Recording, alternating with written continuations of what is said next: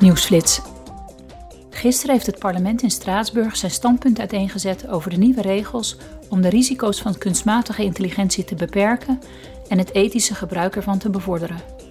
In de zogenaamde AI-wet, werelds eerste alomvattende wet over kunstmatige intelligentie, oftewel AI, zullen de regels worden vastgelegd voor het gebruik van kunstmatige intelligentie in de EU.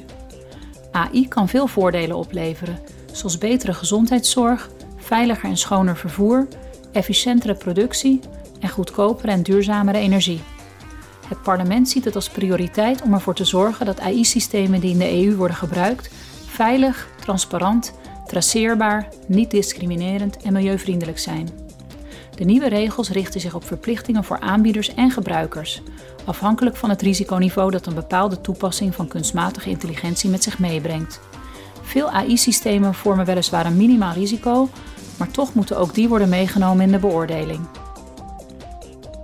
In een debat met de leden van het Europees Parlement in Straatsburg gaf de Cypriotische president Nikos Christodoulides zijn visie op de toekomst van Europa, waarbij hij de nadruk legde op geopolitieke uitdagingen.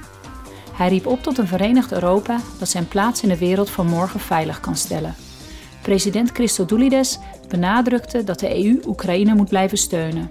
En hij zei daarover het volgende. Will never allow border changes. We zullen nooit toestaan dat grenzen veranderen als gevolg van geweld en oorlog.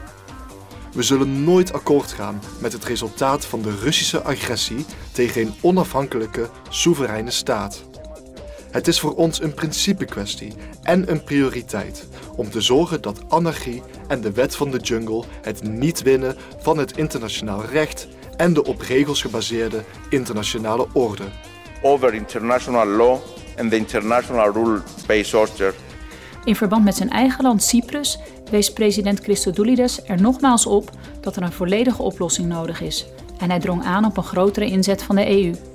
Voorzitter Metsola verklaarde in dit verband: Europe will never be complete. Europa zal nooit compleet zijn zolang Cyprus verdeeld blijft. We kunnen de kracht van Europa benutten om oplossingen te vinden en verdere stappen te ondernemen. Daarom zal dit Europees Parlement zich hard blijven maken voor onze gezamenlijke ambitie dat uw eiland in het kader van het VN-vredesplan herenigd wordt. The reunification of your island under the auspices of the UN Peace Plan. Dit was het elfde plenaire debat in de reeks Dit is Europa. Om grensoverschrijdende onderzoeken doeltreffender te maken, hebben de leden van het Europees Parlement gestemd over nieuwe regels voor de uitwisseling van elektronisch bewijsmateriaal door rechtshandhavingsinstanties. Nationale overheidsinstanties zullen rechtstreeks bewijsmateriaal kunnen opvragen bij dienstverleners, zoals telecombedrijven in andere EU-lidstaten. Wel blijft het mogelijk om verzoeken af te wijzen als er twijfel is gerezen over de eerbiediging van de grondrechten. De Europese Commissie schat dat elektronisch bewijsmateriaal relevant is voor 85% van de strafrechtelijke onderzoeken.